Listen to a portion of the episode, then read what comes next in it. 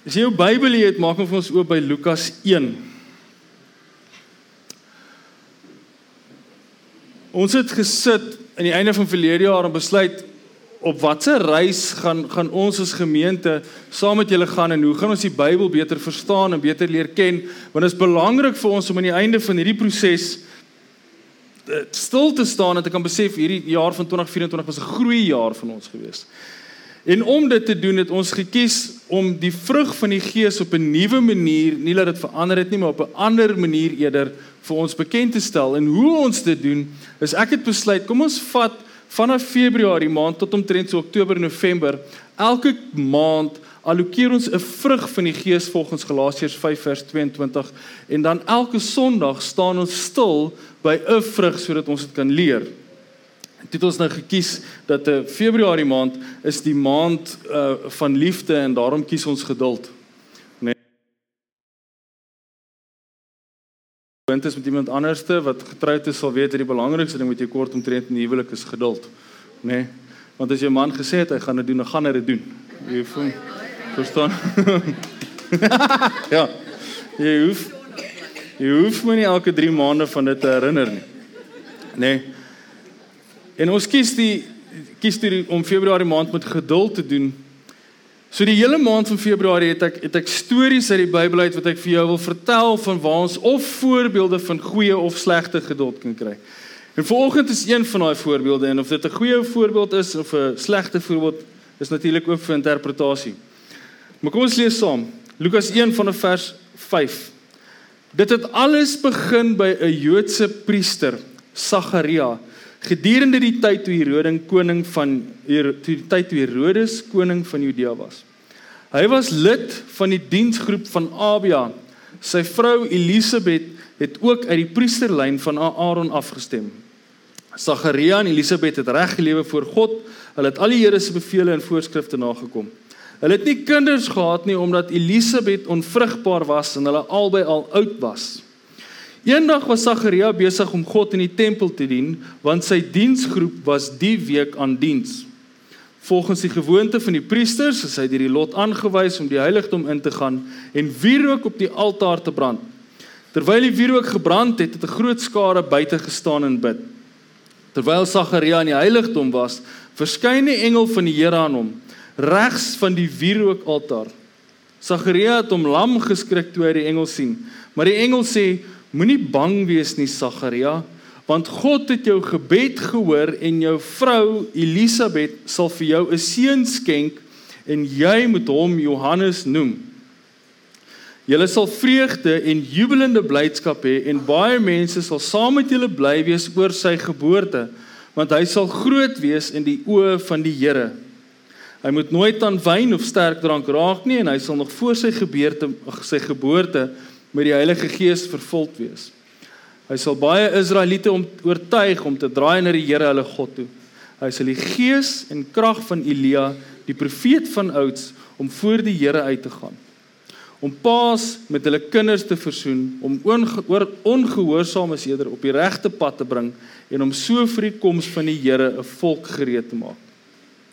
Sagaria sê toe vir die engel: Hoe sal ek weet dat die dinge gebeur? Ek is al 'n ou man en my vrou is ook al op 'n gevorderde leeftyd. Toe sê die engel: Ek is Gabriël. Ek staan in God se eie teenwoordigheid. Hy het my gestuur om die goeie nuus aan jou te bring. En omdat jy nie geglo het wat ek sê nie, sal jy nie kan praat nie tot die kind gebore is, want my woorde sal op die bestemde tyd beslis waar word. Intussen het die mense vir Sagaria gewag om uit te kom En hulle het begin wonder waarom hy so lank in die tempel bly. Toe hy uiteindelik in die tempel kom, kon hy nie met hulle praat nie. Hulle het afgelei dat hy 'n gesig in die tempel gesien het. Hy het aan mekaar vir hulle beduie en stom gebly. Hy het by die tempel gebly totdat sy diensbeurt om was en toe sy huis toe. Kort daarna het sy vrou Elisabet swanger geword en sy het vir 5 maande in afsondering gegaan. "Hoe goed is die Here," het sy uitgeroep. Hy het die skande van my kinderloosheid van my af weggevat. Of jy hou hierdie prentjie te skets van van van wat aangaan wat ek dink hier's baie wat aangaan wat ons 'n bietjie miskyk as ons dit nie ken nie. Wil ek gou vir jou so iets wat agtergrondkennis gee. Die priesters in die Ou Testament was gekies volgens die volk of volgens die kinders van Aaron. Maar soos Aaron kinders gehad het en meer en meer en meer kinders gehad het, het hulle hierdie groepe mense in diensgroepe opgedeel om seker te maak dat al die priesters nie op dieselfde tyd by die tempel natuurlik was nie. Soveel so is dit opgedeel en in die tyd van Jesus of van Johannes net voor hierdie gebeur het dat daar 24 diensgroepe was, nê? Nee? En elkeen van hierdie diensgroepe het dan 'n week gehad wat hulle aan diens was by die tempel. Want toe jy tempel toe gegaan het om tempeldiens te doen. Dan het hierdie ouens opgedaag, tempeldiens gedoen vir sy week. Dit was gewoonlik van uh van net voor die Sabbat af tot net na die Sabbat. Dan kon jy huis toe gaan en dan het jy nou klaar jou diens gedoen, nê. Nee. Die interessantheid natuurlik van hierdie was soos ek sê daar was 24 groepe gewees waarin dit ingedeel was. Nou ek en jy weet uit die aard van die saak dat 'n week of 'n jaar bestaan uit 52 weke, nê? Nee? So elke groep het 2 weke gehad wat hulle aan diens was deurloop van die jaar. Elkeen van hierdie indelings volgens die stam. En as jy nou hier kyk, dan sal jy sien dat Sagaria was deel van die indeling van die groep Abia, nê? Nee? Wat nog meer interessant was is afhangend van wat se bron jy na kyk, was die aantal priesters wat geleef het tydens hierdie era, nê, wat ons nou sal ons ken dit as die tyd van voor Christus of die tyd van Christus. Jy sal sien die wetenskaplikes praat nou nie meer van BC nie, hulle praat van BCE wat staan van before common era, nê, om Christus uit die weg te ruim. Maar in daai era wat ons nou eintlik sal bekend staan as die jaar 0 was daar soos ek sê afhangend van wat se bron jy glo tussen 10 en 20000 priesters wat kon diens doen by die tempel. So vat nou dit en dan gaan deel jy dit en kan jy nou wiskundig uitwerk dat hoe skraal is jou kans dat jy eintlik een of ander doeltreffende rol by die tempel sou gedoen het. Ek bedoel doeltreffend, jy sou een of ander impakvolle, belangrike fancy werk sou gehad het. Want wat hierdie ouens gedoen het is jy het nog 'n aandiens vir jou week of of gaan intree vir jou weekdiens en nou bloot kan jy nou sê 10000 of 20000 deur 24 net om die somme makliker te maak beteken daar daag omtrent so 1000 ouens op vir die week om te gaan indeling doen en dan het hulle vier lote gehad wat hulle getrek het. Nou vier lote was ingedeel met verskillende dienste wat hulle gedoen het. Die eerste lot is jy moes dalk net die tempel gaan skoonmaak het of die heiligdom gaan skoonmaak het. Uh jy moes skoongemaak het waar die offers was en waar die wierook gestaan het. Die tweede een was dat jy moes die wierook en die offers bymekaar gemaak het om iets met dit te gedoen het of wat nou later sou gebeur het. Die derde lot wat hulle getrek het is wie dan nou eintlik hierdie wierook sou gaan vat het en dit dan sou gaan brand het in die tempel en die vierde lot is die een wat dan nou die offers fisies aan die brand sou gesteek het die dag van die offers gedoen het. So nou daag hierdie 1000 ouens op en vier lote word uitgedeel, nê? Nee, of jy trek uit die 1000 of hoeveel ook al trek hulle elkeen en as jy nou iets trek, dan beteken dit nou dis moontlik die diens wat jy gedoen het.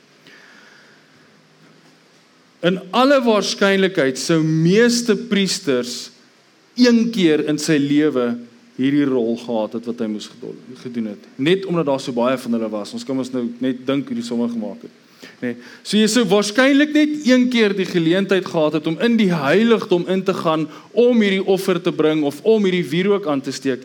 En hierdie hierdie gebeurtenis val toe vir Sagaria basies in sy skoot. Val om te beurt dat hy toe dit nou die die offer kon gaan aansteek of die wierook kon gaan aansteek.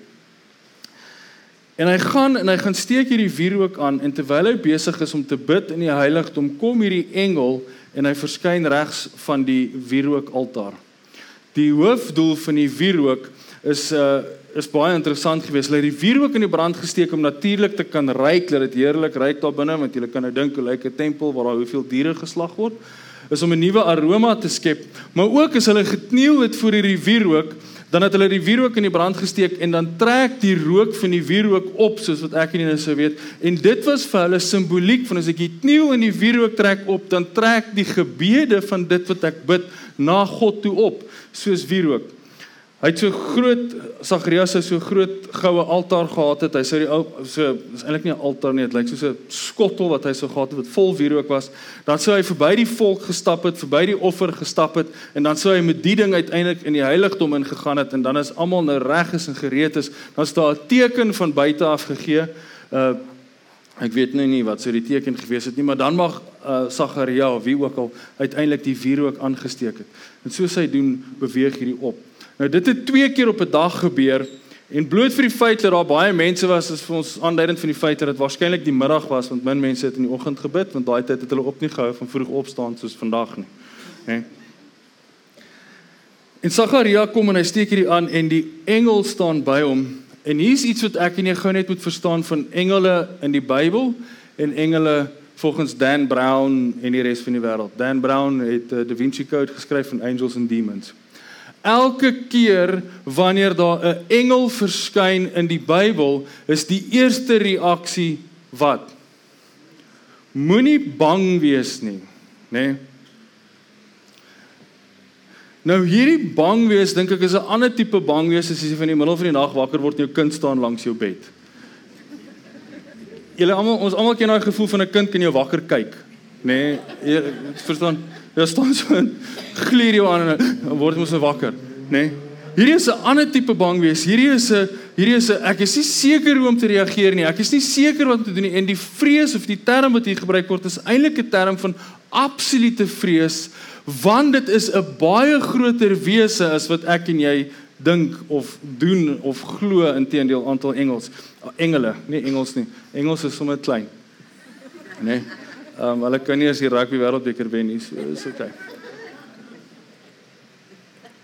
Dis anders as wat ek en jy glo van engele. Hierdie wat ons op die Hallmark kaartjies sien van die babatjie met die mooi krulhare en die vlekkies is glad nie die tipe engel wat hier aan Sagaria verskyn het nie. En hy val in vrees neer en die engel sê vir hom moenie bang wees nie. Jou gebed is verhoor. En dit is vir my so mooi gedeelte want saam met hierdie bid, saam met hierdie rook wat opgaan, dit wat Sagaria nou moes gesien het want hulle sou baie ouens sal vir jou sê moes gekniel het voor die wierookaltaar, nie om die wierook te aanbid nie, maar om die simboliek te sien van die gebede gaan op. Nie net jou gebede nie, die hele volk se gebede gaan op. Die volk staan buite en wag vir jou. Jy doen diens namens hulle. En hierdie rook gaan op en die engel sê vir hom, jou gebed is verhoor. En Lukas gaan dadelik en sê hierdie mense het nie kinders gehad nie. Nou as jy hier sit letterlik die vers voor dit vers 7 hulle het nie kinders gehad nie omdat Elisabet onvrugbaar was. As jy hier sit ver oggend en jy het 'n begeerte na swanger word en jy het 'n begeerte na kinders, nê, nee, om kinders te hê, dan weet jy hoe voel dit as jy bid dat jy in alle waarskynlikheid sonder om dit nou heilig te probeer maak meer bid vir die moontlikheid om kinders te kry as wat jy bid vir vergifnis van jou sonde. Jy bid meer om kinders te kry as wat jy bid vir die welstand van jou land of die welstand van ons staatspresident of die welstand van die begrotingstoespraak wat nou gaan gebeur. Jy bid waarskynlik meer vir dit want jy kom agter op 'n punt dat my werk, dit wat ek doen, is nie heeltemal vir my so belangrik soos vir dit vir my sal wees om uiteindelik 'n kind te kry nie. En in die konteks waarin Sagaria en Elisabet geleef het, het jy nie swanger geword nie as jy gesondig het. Nee.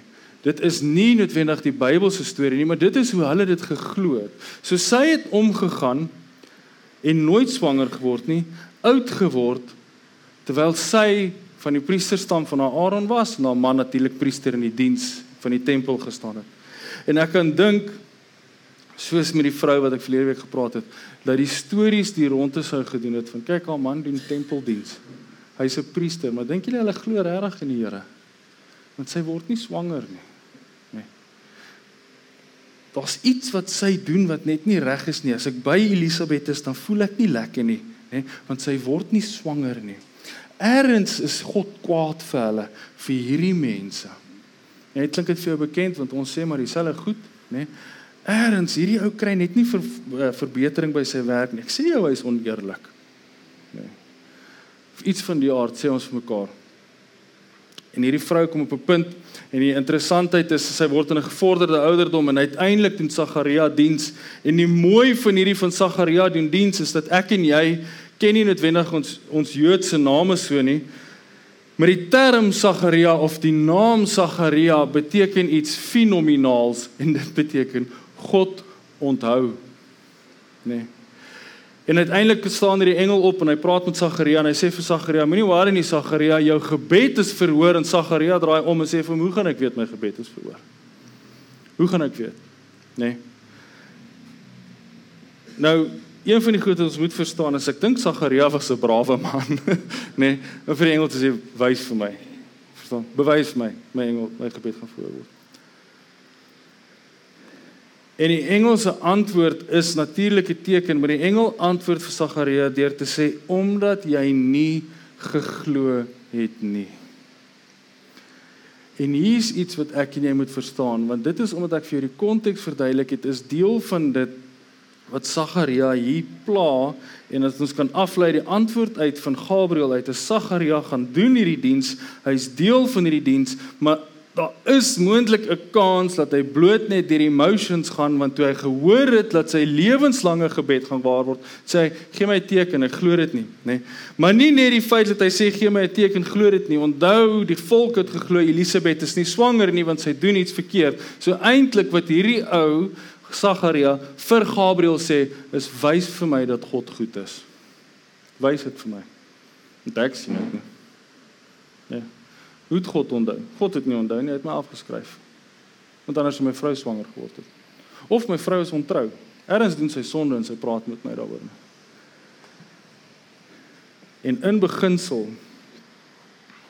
antwoord die engel hom en die antwoord die engel Gabriël hom deur vir hom te sê jy gaan nie kom praat nie want jy het bietjie in God getwyfel. En as dit die geval is wat God met elkeen van my en jou elke keer konstant te doen gehad het, dan kan ons met redelike sekerheid hê hierdie kerk sou volgens Choopstol gewees het. Want hoeveel keer het jy nou na God toe gegaan en gesê, "Waar is jy dan nou?" Nê? Nee, ek het gedog jy gaan deurkom. Ek het gedog ek gaan swanger word en het ek nie swanger geword nie.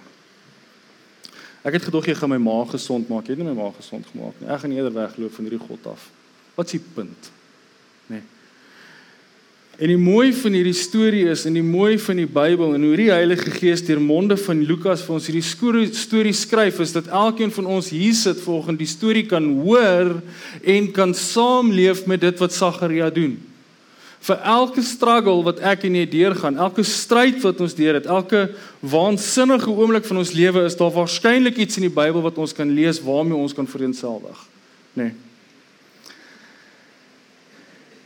En hierdie is een van daai voorbeelde van hoe ons al hoeveel keer na God toe gegaan het en vir hom gesê het, "Maar jy het gesê jy gaan help, jy het gesê jy gaan deurkom en jy kom nie deur nie." Want jy sê self in jou eie woord, "Here, ek ken die planne wat ek vir jou het, planne van voorspoed. Ek sien nie die voorspoed nie. Waar is jy, God?" Nê? Nee. Snaaks jy lag nie meer eintlik nie. maar ek besef as ons eerlik met mekaar is en as ons regtig die waarheid met mekaar praat, dan het ons al baie so gevoel. En dan kom jy op 'n punt wat ek vermoed Sagaria gekom het, ons sien dit nie, maar hy kom op hierdie punt waar hy sak en waar hy bid en waar die offergawe opgaan of die die wierook opgaan, nê? Nee. En hy homself die vraag vra wat ek glo jy al ergens in jou lewe gevra het, hoekom bid? Wat is die punt? Hoekom vra vir kinders en vir kinders en vir kinders en vir kinders en vir kinders soos wat Sagaria en Elisabet gedoen het en net nooit kinders kry nie? Want ek weet van mense wat ver verby die ouderdom van kinders het wat baie gevra het vir kinders en net nooit gekry het nie. Nee, ek dink as ek en jy eerlik met mekaar is, dan sal ons dit ook ken. Sal julle ook sulke stories ken? En dan kom ons op 'n punt wat ons mekaar moet vra, hoekom bid? Hoekom? Hoekom bid ons, nê? Nee? En dis wat ek vir jou wil verduidelik deur die monde van 'n mooi illustrasie wat ek gister gehoor het en ek kan nou nie heeltemal onthou wie's die man nie, uh, want die naam wat nou op die punt van my tong is is nie die man wat dit is nie. Maar die ou vertel die storie wat hy vir ons sê, kom ek verduidelik jou hoe werk die die die moderne of die algemene Christelike gebedslewe tans.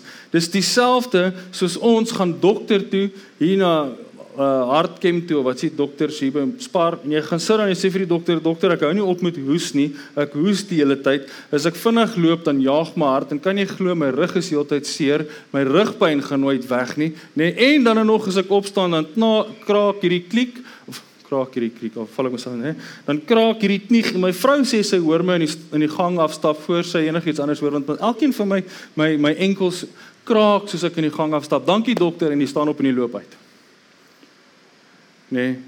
En ons gee nooit die dokter die kans om ons te sê, "Ou, oh, jy kort suur of wat is daai amino acids? Jy moet visolie drink, dan gaan jou enkels nie so kraak nie." Nê.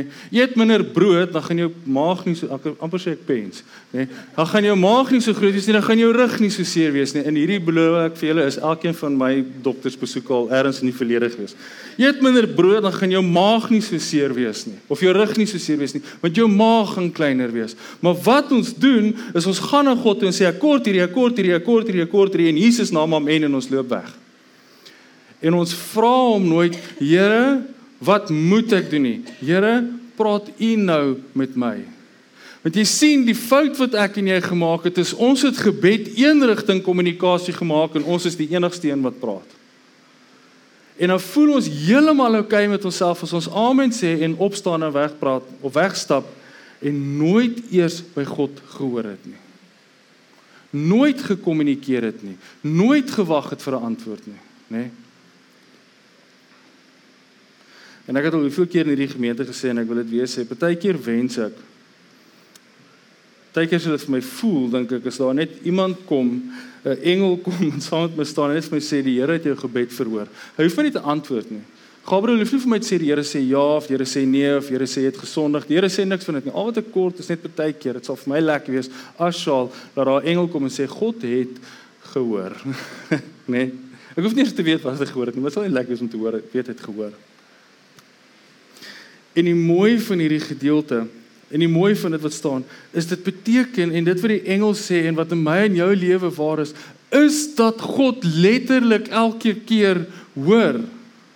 En ons ongeloof in God is bloot oor die feit dat ek en jy waarskynlik sit met 'n probleem van ongeduld. Nê? Nee? As jy nou my vinnig wil kwaad maak vir my as Shaal, dan moet die tannie by die tweede venster by McDonald's my sê stop net gou hier voor. Nee? Want dis juist hoekom ek McDonald's toe gaan om nie daar te gaan stop nie. As ek daar wou stop, sou ek ingegaan het. Nee? Selfs met elkeen van ons as die Checkers app sê daai ou kom 3 uur en dis kwart oor 3 en hy was nie by my huis nie, behoede sy siel, nê? Nee? Dan kyk jy dadelik of jy daai R20 tip kan kanselleer want hierdie ou verdien dit nie want hy doen nie sy werk nie. Né? Ons koop koop groter en sterker mikrogolwe want in die ou dae toe ons kos op die stoof moet warm maak, het dit vir ons heeltemal te lank gevat. Nou wil ek die pizza of wat ook al gou vir 'n minuut in die mikrogolf sit. Né? Ons hele vorm van kommunikasie tussen mekaar is nie meer briewe skryf of enigiets van daardie aard nie. Dit is WhatsApp en WhatsApp se ander naam vir dit is instant messaging. Ek stuur nou vir jou 'n boodskap, jy kry dit nou en daarom verwag ek vir 'n onmiddellike reply van jou af. Né? Nee? Bygesê as jy dit met my doen, dis makliker om bloed uit 'n rots uit te tap as vir Shaal om te antwoord op 'n WhatsApp. Né? Nee? Ek doen dit maar so 2 dae later soms. En dit is een van die maniere wat ek myself moes gedissiplineer het. Dit gaan vir jou baie vreemd klink, maar is een van die maniere hoe ek myself moes geduld aangeleer het en uh dis 'n manier wat ek geleer het by 'n man met die naam Craig Rochelle. Craig Rochelle het 'n groot kerk, Life God Church, as jy hulle nie ken nie, as jy die YouVersion app op jou Bybel gebruik, dis hulle app. Hulle het die app geskryf en dis 'n ding wat Craig ontwikkel het. En iets wat Craig ontwikkel het en ek wil dit nou vir jou sê, wat baie aandag te pas kom, is hy het vir hom 30 minute in 'n dag uitgekom, uitgesit tussen 3 en 04:30 in die middag en dit is sy WhatsApp tyd. Ek sal tussen 3 en 04:30 in die middag daai 30 minute op al my WhatsApps reply. Die res van die dag, sorry, ek's buite bereik. Julle lyk almal so bietjie geskok want ons het so almal bietjie FOMO van wat is dit nou 'n boodskap is en wat is dit belangrik is, nê? Nee? En spesifiek in Charles se geval, wat is een van julle my nou nodig het? En ek weet baie van julle het my nodig, maar weet julle wat? Hierdie gaan tot 'n skok op jou stelsel kom. Ek kan nie mond tot mond doen nie, nê? Nee? Ek gaan jou nie kan help as jy in 'n noodsituasie met 'n ongeluk is nie. Dis great, ek sal kom en ek sal graag met jou wil bid, maar ek gaan waarskynlik nie jou lewe kan red nie. Bel die dokter voor jy die predikant bel. Nê? Nee? Ek gaan vir jou 'n boek kan bring wat jy kan lees. nê? Nee? Wat dalk al jou antwoorde gaan beantwoord Nee. Maar ons leef in hierdie lewe van vinnig en onmiddellik en nou. En oordat dit ons ganse lewe oorheers, het ons dit na ons godsdienst en na ons geloof na Jesus toe gevat gesê, Here, ek soek 'n antwoord en ek soek hom nou. En dan het ons nog so bietjie egoïsties en arrogant geraak en sê, en as jy my nie antwoord nie, dan gaan soek ek 'n ander god. Nê? Nee?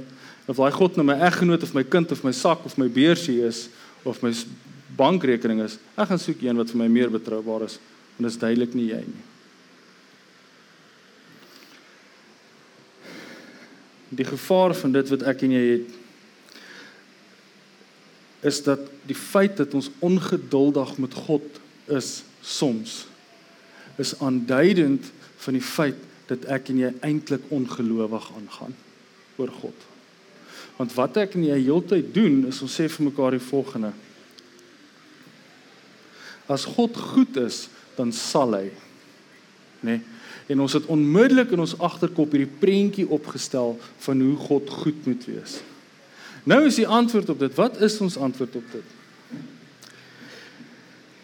En dit is die volgende en hierdie moet ek vir jou vooraf moet ek vir jou so 'n waarskuwing gee. Dit is 'n stelling wat ek uitgevind het en eintlik mooi neergepen het, maar dit is bietjie moeilik vir ons om dit te aanvaar. En dit is die volgende. As God regtig goed is, en ons glo in God en in sy goedheid en ons glo in God en sy voorsiening, dan moet ek en jy ook eenvoudig glo in sy tydsberekening. En dat ons nou daai eeue oue klise sê ding wat ons almal ken en nie wil hoor nie en nie wil sê nie. En dit is God se tyd is nie my tyd nie. Nou gaan jy dalk voel weer op die vraag wat ek gevra het in die begin. Hoekom bid? Hoekom bid ons dan tot God? En die mooiste voorbeeld wat ek vir jou kan gee van bid en hoekom ons kan bid, is dit 'n ding wat ek persoonlik in my lewe beleef het. Toe ek so 19 jaar oud was, inteendeel, toe ek so 6 jaar oud was, het ek gedink die coolste ding wat ek ooit gaan kan doen is ek wil 'n ponytail hê en ek wil 'n Harley ry. Né? Nee?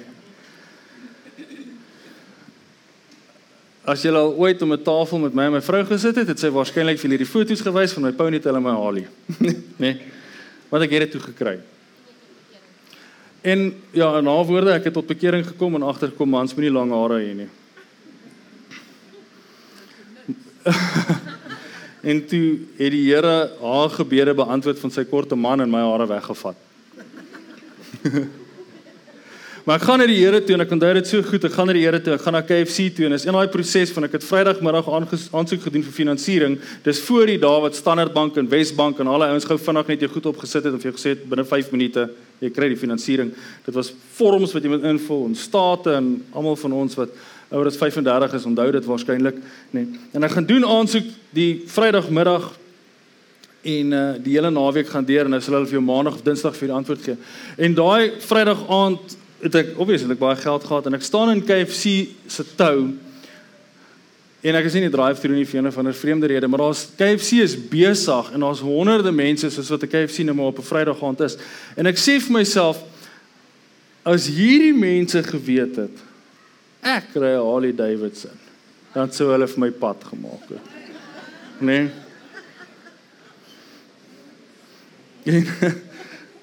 Ek vertel dit met met redelike skaamte.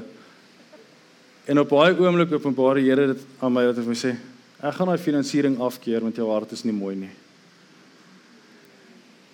En ehm um, ek het daai presiese Harley waarvoor ek aansoek gedoen het. Ek dink omtrent 6 maande daarna kon ek eers gekoop het, maar ek besef in my hart van harte op daai stadium, ek soek nie 'n motorfiets omdat ek wil die wind in my hare wil voel wat ek toe nog gehad het nie. Nee, ek soek 'n motorfiets want ek voel dit gaan my my identiteit gee. Ek is nie net dan Shaal nie, ek is Shaal wat 'n Harley ry. Nee. Van weer ja eerlikwaar as jy my ooit op social media gesien het dis hoekom my naam Charlie is want dit is Harley met 'n C aan die begin. Dis regtig hoekom ek het en ek het my identiteit in hierdie brand gevind soos wat baie ouens gedoen het maar in dit skuur en skaaf die Here aan my en hy sê vir my dis jou fout Charles jy soek nie my nie jou gebedslewe word 100% oorheers so gee my die motorfiets gee my die motorfiets gee my die motorfiets. En jou gebedslewe gaan nie gee my geduld maak my rein en die belangrikste van alle gebede maak my soos u lyk nee Hoekom bid? Want so klein gedeelte van die onsse Vader is gee my vandag my daaglikse brood. En meer van dit gaan oor hoe maak ek hierdie plek lyk dat mense U soek? Hoe deel ek dit wat ek het? En verlos my van die bose beteken nie net noodwendig hou alle demone en slegte mense van my weg nie, maar dit beteken ook as ek nie nou daai halie moet kry nie. Dis hoekom ons bid. En nou is die volgende ding wat ek wil sê voor ons nagmaal gebruik. Die oomblik wat ons hoor julle die haal hoe mooi dit klink. ja, is net is nog een van daai maniere wat die Here my herinner ek is op heiligmaking.